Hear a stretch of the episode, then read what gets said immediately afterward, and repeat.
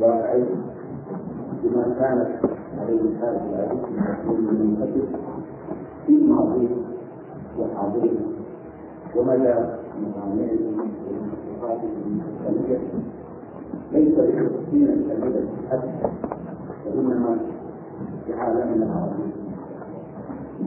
إلى الآية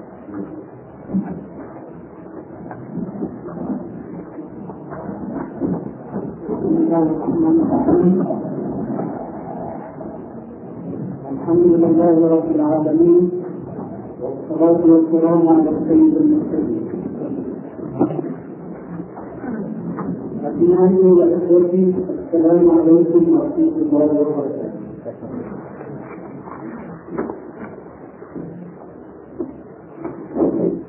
الحق أن المخدرات السريين لا تقف عند فلسطين ولا عند العالم العربي بل اننا تمتد إلى العالم كله ولكن لنا مع العالم الإسلامي حديثا خاصا أو مخصصا خاصا في جانب هذا المحطة الشريف وإذا تحدثنا عن مخططات التنظيم فينبغي أن نظن أولا بمخططاتها الجزء البشرية كلها ثم بعد ذلك نأخذ في تفصيل مخططاتها الخاصة بجزء المسلمين وجزء الأرض المحيطة بالمسلمين مخطط اليهود في جزء البشرية. تطلق جزء منها التي يفتشونها سواء كانت محددة حقيقة أو غير محددة وعندهم في كتاب المقدس المدين وهو التوراة المحرفة إشارات يؤولونها كما يشاءون. وعندهم في الكتاب الآخر الأشد خطرا وهو التلمود الذي يقولون عنه إن على إن اليهودي يستطيع أن يخالف التوراة ولا حرج لكنه لا يستطيع أن يخالف التلمود بغير حرج فيعطون هذا الكتاب الذي كتبوه بأيديهم قداسة أكبر من الكتاب المنزل من عند الله. وفي كلا الكتابين إيحاءات لليهود وإذا قلنا الصهيونية فإنما فقط نجاري ذلك المصطلح. أما أنا فلا أصدق أن هناك يهودا صهيونيين ويهودا غير صهيونيين إنما هي أسماء والحركة اليهودية العالمية حركة واحدة. سواء تسمت بالصهيونية أم تجردت عنها خداعا للناس فأنا أتحدث لا عن الصهيونية وإنما عن اليهودية العالمية كتاب التوراة فيه وعود يقولون هم إنها لم تتحقق في الماضي وإنها سوف تتحقق في المستقبل. ومن بينها هذا النص وقال الرب الإله مخاطبا إسرائيل إنني سأنزل يا إسرائيل إسرائيل طبعا هو يعقوب عليه السلام. سأنزل يا إسرائيل وأضع السيف في يدك وأقطع رقاب الأمم واستذلها لك. ونستطيع نحن أن نقول مع التحريف الموجود في التوراة إن هذا كان نصا خوطب به يعقوب عليه السلام يوم كان بنو إسرائيل مسلمين. يوم كانوا مستقيمين على أمر الله وعد الله أن يمكن لهم في الأرض وأن يخضع الأمم له أما أن يكون هذا وعدا مستقبليا أي أنهم وهم على كفرهم وجحودهم. يمهد الله لهم في الأرض ويذل لهم الأمم. فهذه قضية أخرى سنتحدث عنها في حديثنا عن المخطط العام لليهودية العامة. الكتاب الآخر الذي له عندهم قداسة أكبر من قداسة التوراة وهو التلمود كتاب سري لكن شذرات منه تتناثر هنا وهناك فيعرف شيء من أسرار هذا الكتاب من بينها قولهم إن الأمميين ويقصدون بذلك كل الأمم من غير اليهود إن الأمميين هم الحمير الذين خلقهم الله ليركبهم شعب الله المختار. وكلما نطق منهم حمار ركبنا حمارا آخر. أما الكتاب الثالث الذي يكشف مخططاتهم فهو بروتوكولات حكماء وهو كتاب شهير. لا بد أنكم سمعتم عنه. وبعض الناس يشكك في صحة ما ورد في هذا الكتاب على أنه وثيقة حقيقية. وأنا لا يهمني كثيرا هل هو وثيقة تاريخية حقيقية أم إنه من كتابة رجل عرف مخططات اليهود وكتبها على لسانه. يستوي عندي هذا وذاك لأن هذا الكتاب شرح مخططات اليهود منذ مؤتمر هيركزل الذي عقد في بال في سنة 1897 ويقول يقول اليهود في هذا الكتاب أو يقول الكاتب الذي تقمص شخصية اليهود سنصنع كذا وكذا وكذا وكذا. وكل ما قيل في هذا الكتاب حدث بالفعل. قالوا سننشر الشيوعي وانتشر الشيوعي قالوا سننشر الإلحاد وانتشر الإلحاد. قالوا سننشر الفساد الخلقي وانتشر الفساد الخلقي. قالوا سنضحك على الأمم بشعارات الحرية والإخاء والمساواة ونجعلهم يدورون في دوامة دون أن يعرفوا حقيقة هذه الشعارات وحدث هذا كله بالفعل. فسواء كان هذا الكتاب هو الوثيقة الحقيقية التي كتبت في ذلك المؤتمر السري أم كانت من كتابات إنسان دخل في عقل اليهود واستطاع أن يعرف مخططاتهم فيستوي هذا وذاك في أن هذا الكتاب يحوي بالفعل مخططات اليهود. مخططات اليهود بالنسبة للبشرية كلها هي استعداد البشرية كلها لحساب اليهود. هذا هو المخطط وإنهم يسعون إلى هذا المخطط منذ يقولون منذ ألفين سنة أو أكثر. ويتوهم بعض الناس أن تراكم التخطيط ودقته وبعد النظر وإحكام التدبير هو الذي أوصل اليهود لما هم عليه اليوم من سيطرة وأنا أقول لا. إن اليهود حاولوا خلال ألفين من السنين أو أكثر أن ينفذوا هذا المخطط ولكنهم لم ينجحوا إلا في القرنين الأخيرين. لا من تراكم التخطيط ولا من عبقرية التخطيط وإن كان لليهود عبقرية شريرة لا شك فيه. لكن لا عبقريتهم ولا دقة تخطيطهم ولا تراكم التخطيط جيلا وراء جيل هو الذي أوصل اليهود لما هم عليه اليوم من سيطرة إنما أمر آخر. بعيد كل البعد عن مخططات اليهود ذاتها هو الذي مكن اليهود.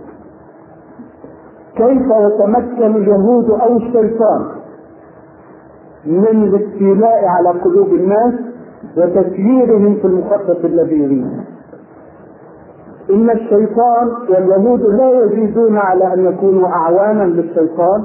الشيطان نفسه يحدثنا كتاب الله سبحانه وتعالى عنه فيقول إنه ليس له سلطان على الذين آمنوا وعلى ربهم يتوكلون. إنما سلطانه على الذين يتولونه والذين هم به مشركون. أي أنه طالما كانت النفوس عامرة بالإيمان فلم يستطع الشيطان. ولا أولياء الشيطان أن ينفذوا إليها ولا أن ينفذوا مخططات إنه لا لا يصعب لا يسهل على الشيطان أن يتسلل إلا حين يصبح هذا القلب خاليا من العقيدة. واليهود يعرفون هذه الحقيقة. ويعرفون أيضا حقيقة نزلت بشأنهم هم في كتاب الله جل وعلا ولكنهم حللوها ووعوها ويطبقونها على من الامم مثل الذين حملوا التوراة ثم لم يحملوها كمثل الحمار. يحمل أسفار بمعنى أن الأمة التي لها كتاب منزل من عند الله وتريح ظهرها لهذا الكتاب ولا تطبقه في واقعها تتحول من أمة آدمية إلى أمة من الأنعام. أولئك كالأنعام بل هم أضل. فإذا كان مخطط اليهود كما يشرحه السلمون هو استحمار البشرية فقد علم اليهود أنهم لا يستطيعون أن يصلوا إلى ذلك إلا بنزع عقائد الناس وأخلاقهم. هذا هو السبيل الذي ييسر لهم تنفيذ الخطط ولقد ظلوا ألفين من السنين أو أكثر يحاولون تنفيذ هذا المخطط الرهيب. ولكنهم لم يستطيعوا إلا في القرنين الأخيرين. فما سر نجاحهم في هذين القرنين؟ وما سر فشلهم فيما مضى من القرون؟ المفتاح لهذه القضية هو ما قلنا. طالما كانت القلوب عامرة بالإيمان فلا الشيطان ولا أعوان الشيطان يستطيعون أن يتسللوا إلى هذه القلوب فإذا خوت هذه القلوب من العقيدة سهل على الشيطان وأعوانه أن يدخلوا إليها ويتجسسوا وأن ينفذوا عن طريقها ما يريدون من محققات. فقصة البشرية مع اليهود هي هذه القصة. حين كانت للبشرية عقيدة وحين كانت البشرية مستمسكة بهذه العقيدة صعب على اليهود أن ينفذوا مخططات. حين تخلت البشرية عن عقيدتها سهل على هؤلاء الشياطين أن ينفذوا ما دبروا من مخططات فليست عبقرية اليهود وليس لوازم التخطيط وليس إحكام التركيب هو الذي وصل اليهود لما وصلوا إليه ولكن البشر حين بعدوا عن الله حين لم تعد قلوبهم عامرة بالإيمان هم الذين استحملوا أنفسهم بشعب الله المختار. وكأنما ذهبوا هم بأنفسهم ليقولوا لذلك الشعب اللعين ها نحن أولئك تعال فاركب فنحن مستعدون.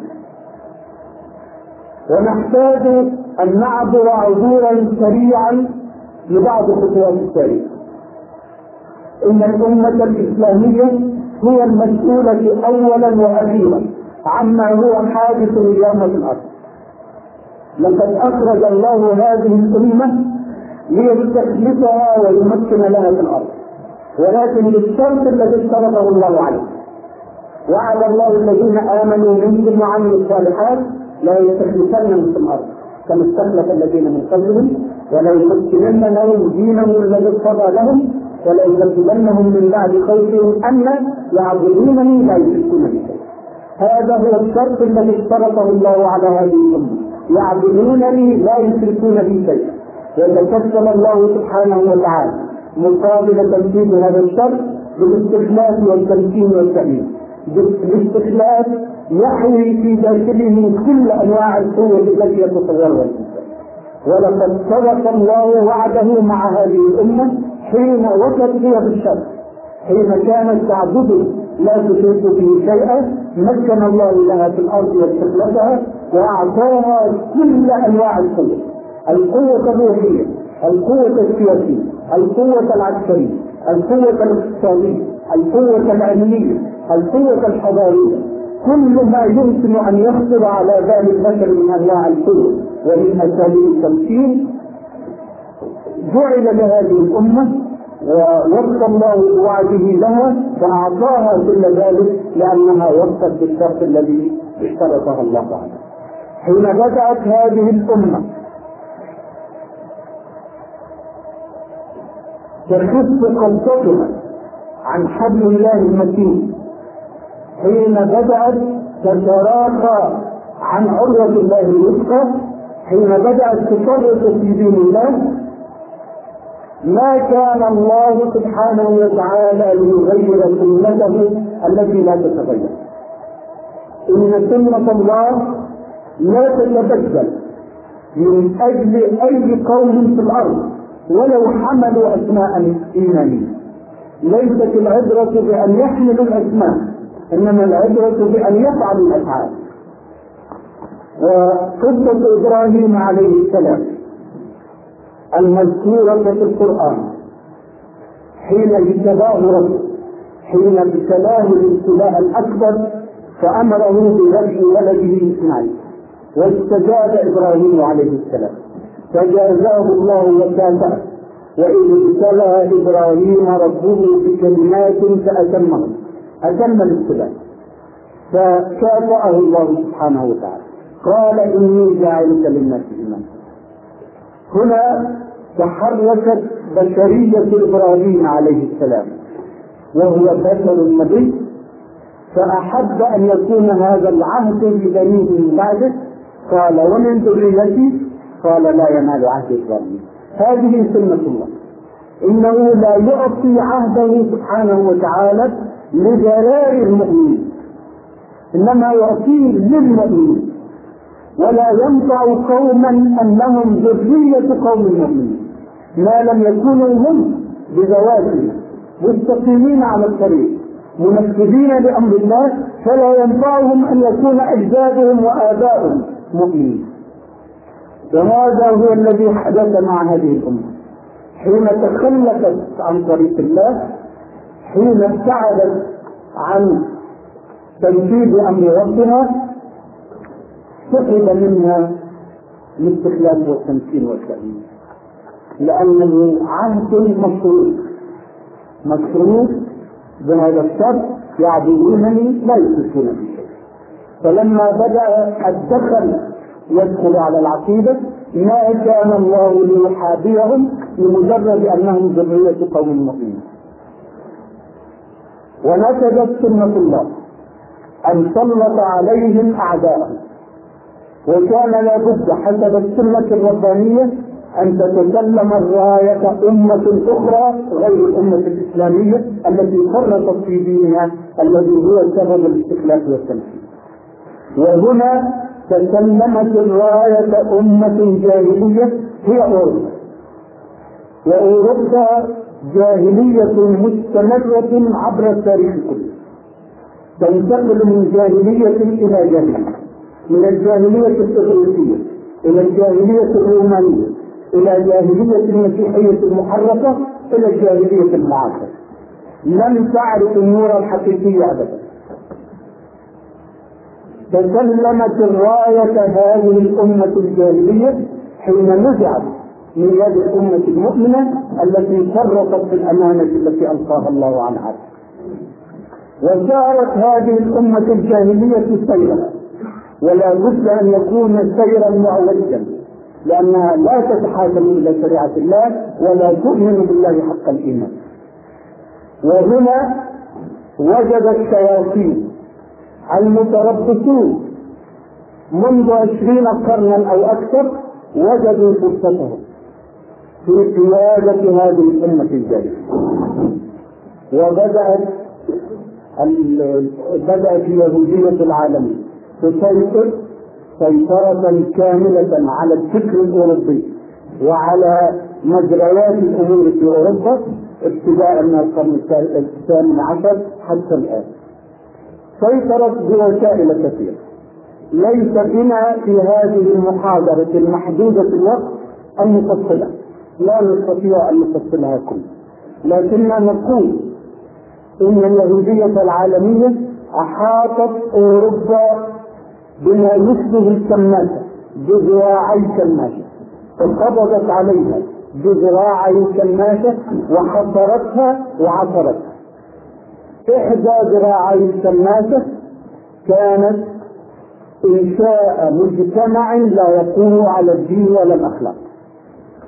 والذراع الأخرى للكماشة هي أفكار ونظريات علمية مزيفة تواجه الدين والأخلاق والتقاليد والتقى الذراعان واحاطا بأوروبا. فأما الزراعة وأحاطت بأوروبا. فأما الزراعة الأولى فكانت منذ الثورة الصناعية منذ الرأسمالية. والرأسمالية ولدت في أحضان اليهود وهم يسيرونها إلى هذه اللحظة إذا سمح الوقت بدقيقة نشرح لماذا ولدت الرأسمالية في أحضان اليهود الرأسمالية تحتاج إلى مال التصنيع يعني يحتاج إلى مال. ويوم قامت الصناعة كان المال في يد فئتين اثنتين. فئة الإقطاعيين وفئة المرابين اليهود فأما الإقطاعيون فقد أحجموا عن تمويل الثورة الصناعية. لأنهم كانوا يخافون أن يبذلوا أموالهم في أشياء لم تتمكن بعد. ما لم تكن الصناعات كلها رابحة في مبدأها وكان كثير منها يخسر. فأحجم الإقطاعيون عن تمويل الصناعة. وهنا سارع المرابون اليهود لتمويل الصناعات لماذا؟ لأنهم لا يخسرون شيئا لا يشاركون بأموالهم مباشرة إنما يأتون أموالهم في صورة قروض. قروض مضمونة فلا يهمهم إن خسر صاحب الصناعة أو كسب. مالهم مضمون في جميع الحالات وهم يقرضون بالفائدة بالربا فتتزايد أرباحهم بالربح المرتب كما تعلمون الذي هو الأضعاف المضاعفة. ومن طبيعة الربا أن يتصاعد فيصل إلى الأضعاف المضاعفة. من هنا دخل اليهود الممولين للحركة الصناعية لأنهم لا يخسرون شيئا سواء خسر صاحب المصنع أو كذا. فلما وقعت الرأسمالية في أيديهم انتهزوا هذه الفرصة وأقاموا المجتمع الأوروبي الصناعي على غير أساس من الدين والأخلاق. وكانت فرصتهم السانحة أنهم هم المسيطرون لأنهم هم الممولون ومن أبشع ما استخدموه قضية المرأة. ولذلك قصة طويلة أخرى. لا يتسع المجال في تلك الدقائق المعدودة لشرحها ولكن في اختصار شديد جدا نقول إن الممولين هيئوا الفرصة لعمل المرأة لإخراجها من البيت لإخراجها من مملكتها وإغرائها بالعمل في المصانع ثم جعلوا لها قضية. وكانت هذه القضية في مبدأ الأمر أنهم شغلوها بنفس أجر الرجل. تعمل نفس الساعات ويأتونها نصف الأجر فصارت لها قضية قضية المساواة في الأجر. وهكذا بدأت القضية. المساواة في الأجر مع الرجل الذي يعمل معها في نفس المصنع. ثم تطورت القضية لأن أحدا لم يستجب لها. فقيل لها اسلكي السبيل الذي يؤدي بك إلى غايتك. تظاهري وأضربي فتظاهرت وأضربت ولم يستمع إليها أحد. قالوا لها لابد أن تحولي قضيتك إلى قضية سياسية. لابد أن تحصلي على حق الانتخاب. ثم حق دخول البرلمان. فتحولت القضية إلى قضية سياسية. وأصبحت المساواة مع الرجل في القضية السياسية. وقالوا لها لابد أن تطالبي بحق التعليم. وسارت خطوات في التعليم. وأصبحت القضية قضية المساواة مع الرجل في التعليم. ثم جعلت مناهج الأولاد والبنات واحدة. وكانت هذه خطوة وراء خطوة. فلما تخرجت الفتاة من الدراسة الثانوية على نفس مناهج الأولاد أصبحت الخطوة الثانية الطبيعية لماذا لا تدخل الجامعة؟ لأنها حصلت على ذات المواد التي يدرسها الولد. وصارت قضية وصارت القضية قضية المساواة مع الرجل في التعليم الجامعي. فلما دخلت الجامعة نبتت قضية الاختلاط وكان هذا هو الهدف ال- ال- الذي يراد من هذه الدورة كلها فحدث الاختلاط في الجامعة. وحين حدث في الجامعة حدث في الشارع. وحين حدث في الشارع حدث في بقية المجتمع وتفسفت الأخلاق. ثم طالبت المرأة بحق العمل المساواة مع الرجل في العمل. فغسلت المصانع وغسلت المكاتب سكرتيرات وعاملات وهكذا.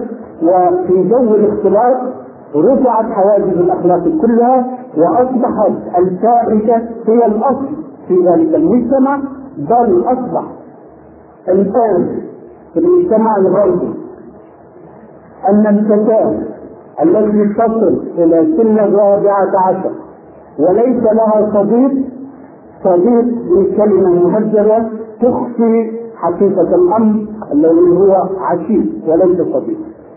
كل فتاة تصل إلى الرابعة عشرة وليس لها صديق أي ليس لها رفيق تمارس معه الجنس تعتبر مشكلة عائلية يستدعى الطبيب النفساني لحلها. هكذا فعل اليهود في أوروبا لإنشاء مجتمع يقوم على غير الدين والأخلاق. أما الذراع الأخرى ذراع الكناسة الأخرى فكانت تلك النظريات الزائفة التي تقدم بها أساطير الشر من اليهود. ماركس فرويد دوركايم فريزر كل واحد منهم قدم نظرية. نظرية تبدو من الظاهر عليم فإذا ناقشتها بالمنطق الحقيقي منطق العلم اتضح أنها قوى لكن اليهود بما لديهم من أموال وبما لديهم من وسائل الإعلام هم الذين يمكنون لهذه النظريات الزائفه ويجعلونها تدرس في جامعات العالم أجمع لا على أنها نظريات إنما على أنها حقائق. ماركس تكفل بتقديم نظرية اقتصادية يهاجم فيها الدين والأخلاق والتقاليد. وفرويد تشكل بتقديم نظرية نفسانية في علم النفس يهاجم فيها الدين والأخلاق والتقاليد. ودوركايم تشكل بتقديم نظرية اجتماعية يهاجم فيها الدين والأخلاق والتقاليد. أما فريدر الذي أنشأ علم مقارنة الأديان فقد أنشأ نظرية تقول إن الدين تطور من عبادة الأب. إلى عبادة التوسم إلى عبادة قوى الطبيعة إلى عبادة الأسلاف إلى عبادة الأصنام ثم وصلت إلى عبادة الله الواحد. يعني أن البشرية لم تعرف عبادة الله الواحد إلا بعد أن مرت في تلك الأطوار والإيحاء الخبيث من وراء ذلك أن الدين من صنع البشر. لا هو؟ منزل من عند الله ولا هو فطرة في القلب البشري إنما هو شيء ابتدعه البشر. فإذا كان البشر هم أصحابه ومن هنا جاء التعبير الخبيث إن الإنسان هو الذي خلق الله وليس الله هو الذي خلق الإنسان. يعني أن الله من ابتداع العقل البشري. فإذا كان البشر هم الذين ابتدعوا الدين فإذا جاء البشر في يوم من الأيام أن يلغوا الدين فمن الذي يحاسبهم؟ انه شيء ابتدعوه هم. ومن أصحاب الحق في أن يلغوه إذا ما شاء. هؤلاء الذين هؤلاء بصفة خاصة طبعا في يهود آخرين. هؤلاء بصفة خاصة هم الذين صاغوا الفكر الأوروبي في خلال النصف الثاني من القرن التاسع عشر وإلى هذه اللحظة من القرن العشرين. وهكذا أحاطت الكناشة الخليفة. بذراعيها الفتاكتين بالمجتمع الأوروبي حتى افقدته قيادته وانقضت اليهودية على المسيحية وهي إحدى العدوين أحد العدوين اللذين يريد اليهود القضاء عليهم. وكان آخر ما صنع اليهود ما صنع اليهود في محاولاتهم للقضاء على المسيحية ومحوها من الأرض وثيقة تبرئة اليهود من دم وتعلمون أن عقيدة المسيحية المحرفة قائمة كلها على فكرة أن اليهود طلبوا فإذا جاء مجلس الكرادلة بالأخير وعلى رأسه البابا الذي يشك في أنه هو ذاته يهودي لأن برسكلاس قالت فالنص بابا يهودية. وقد يكون هذا هو الباب الذي أفضل وثيقة تبرئة اليهود من دم المسيح ولكن الذي لا شك فيه أن الكراجلة مجلس الكراجلة كراجلة جمع كاردينال كما تعلمون هذا المجلس هو معظمه من اليهود الذين تمثلوا ليؤدي غرضا معينا وهكذا قضي على المسيحية عقيدة وسخرت أوروبا بمصالح اليهود ماذا بقي في تنفيذ المخطط الرهيب؟ بقي الإسلام وبقي العالم الإسلامي ولا يستريح اليهود حتى يقضوا في وهم على هذا الدين وإن حقدهم على الإسلام لهو أشد من حقدهم على المسيحية برغم أن المسيحيين هم الذين آذوهم في التاريخ كله وكان اليهود لا يجدون صدرا رحبا في الأرض حين يضطهدون النصارى إلا إلا العالم الإسلامي. كانت أوروبا تضطهدهم فيلجؤون إلى الأندلس في حمى المسلمين هناك. وحين نجح المسلمون من الأندلس حين طرد المسلمون من الأندلس جاء اليهود معهم إلى المغرب والسلطنة برغم أن المسلمين آووا اليهود ولم يؤذوهم لأنهم يلتزمون بأمر النبي صلى الله عليه وسلم. من آذى ذميا بدينه فقد برئت منه ذمة الله تبارك وتعالى. رغم هذا فإنهم يحملون حقدا للإسلام أشد بكثير من حقدهم على الناس. ولكنهم ما كانوا يستطيعوا أن يبدأوا التحصين في العالم الإسلامي. فقد كان الناس في العالم الإسلامي على بقية من إيمان وعلى بقية من تماسك خلقي يمنع مخططاتهم من المساجد لذلك بدأوا بتحصين أوروبا. ثم ساقوا أوروبا الصليبية سوقا ليحصلوا يستخدمون قوتها لتحصيل العالم وما كانت الصليبية في حاجة إلى من يعزها لكن كان اليهود قوة دافعة وأذكر لكم مثالا واحدا. حين أسرد إسماعيل باشا في الذي يسمونه أو كانوا يسمونه إسماعيل باشا العظيم أسرد في الديون فأغرق مصر في الديون. فاضطرت مصر أن تبيع سندات قناة السويس. وعرضت أسهم قناة السويس وقتها بستة ملايين جنيه. كم جنيه جنيه؟ وأرادت بريطانيا التي كانت تطمع في التدخل في المنطقة أن تشتري هذه الأسهم فأعجزها ذلك لأن الميزانية البريطانية لم تكن تحوي فائضا يساوي ستة ملايين جنيه هنا أسرع رشد اليهودي يقول للحكومة البريطانية لا تفدكم هذه الفرصة فخذوا المال. ولا تفدكم هذه الفرصة وكان رئيس الوزراء وقتئذ هو جبرائيل وهو من أصل يهودي تنصر ظاهرا وبقي فيه عرفه اليهودي إذا لقد كانت اليهودية العالمية تمهد وتساعد الصليبية على احتلال الأرض الإسلامية لتنفذ مخططا معينا فيما بعد. يكفينا هذا القدر عن المخطط العالمي لليهود. ونجيء للمخطط الخاص للقضاء على الإسلام وبصورة أخص هذه المنطقة المحيطة بإسرائيل.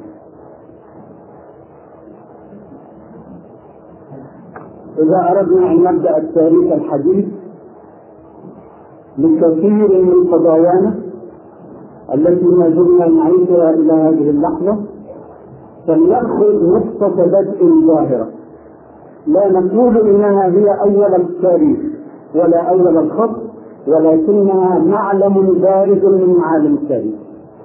ذلك هو مؤتمر هيرتزل 1897 الذي قرر اليهود فيه ضرورة إنشاء الدولة اليهودية في خمسين عام.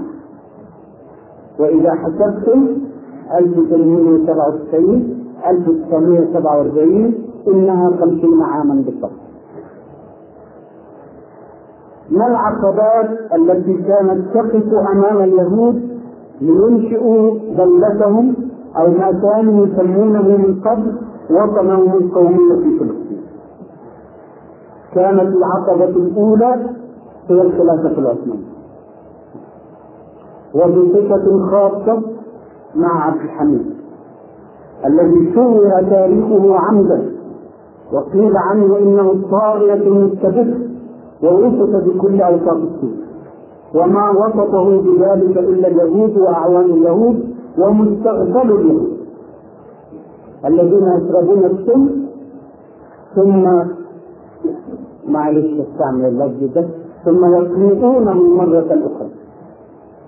هم سبوا عبد الحميد وأجروا سبه على ألسنتنا نحن كتابنا وصحفيين ومؤرخين. يقولون عبد الحميد الصاوي وفيما كان طغيانه لأنه رفض أن يعطي اليهود شبرا واحدا من أرض فلسطين لقد عرض هيرتزل على عبد الحميد عروضا لا يصمد أمام إغرائها إلا ذو إيمان كامل.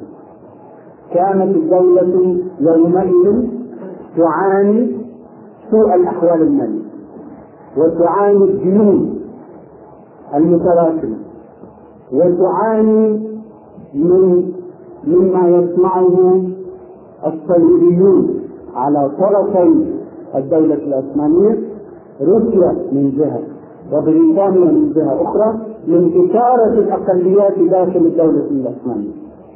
كانت روسيا متكفلة بإثارة الأرثوذكس وبريطانيا متكفلة بإثارة البروتستانت والكاثوليك. وفي كل يوم ثورة الأرمن يثورون غيرهم يثورون بوحي من هذه الدولة أو فيه لينشئوا قبائل ومتاعب لما كانوا يسمونه الرجل المريض. كانوا يطلقون على تركيا في آخر عهدها الرجل المريض وكانوا يتربصون به الدواء جاء هرتزل يعرض على عبد الحميد. دفع الديون كل الديون التي على الدولة وإقراضها قروضا طويلة الأجل. وإنعاش الاقتصاد العثماني والتدخل لدى روسيا وبريطانيا للكف عن إثارة الأقلية من يحلم بأكثر من ذلك؟ وكل هذا مقابل أن يسمح عبد الحميد بإقامة وطن قومي لليهود في فلسطين وأبى الرجل المؤذن. أيا تكن أخطاره ومن من البشر لا كل بني آدم خطاء. وخير الخطائين التوابين أبى الرجل المؤمن أن يشرف في شكر واحد من هذه الأرض المقدسة وقال إنها أرض المسلمين. ولا أملك أن أتنازل عن شبر واحد منهم. عندئذ خطط اليهودية العالمية مخططها الكامل الذي نزل في خلال الخمسين عام. مثل عبد الحميد. وتلك عجبا والسلام ثم ظل حزب الاتحاد والترقي الذي معظم اعدائه من اليهود. وإن تفكروا باسماء اسلامنا من بينها جاوي الذي اصله جوزيف داوي تحريفه لكن هو